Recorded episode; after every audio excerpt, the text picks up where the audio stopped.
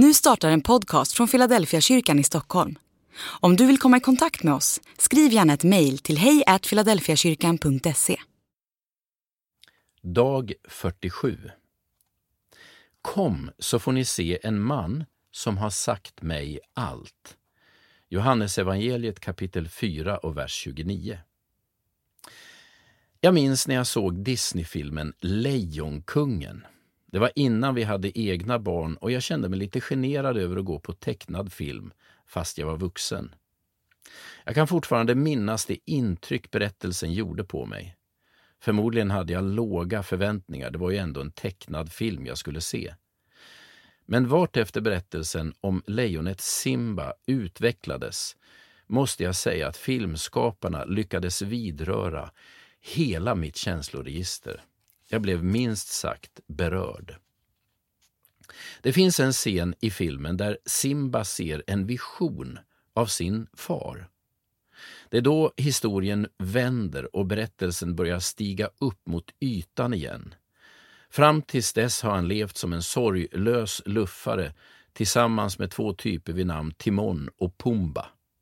Han har tryckt undan sitt eget ursprung till förmån för en ansvarslös tillvaro som livsnjutare. I visionen ser Simba en bild av sin far, den gamla kungen. Fadern vänder sig till sin son och säger Min son, du har blivit något annat än du egentligen är. Det är precis vad Jesus säger till kvinnan. Min dotter, du har blivit något annat än du egentligen är. I samtalet återkallar Jesus kvinnan till hennes ursprungliga identitet. Hon möter sin frälsare och befriare som talar om för henne vem hon egentligen är.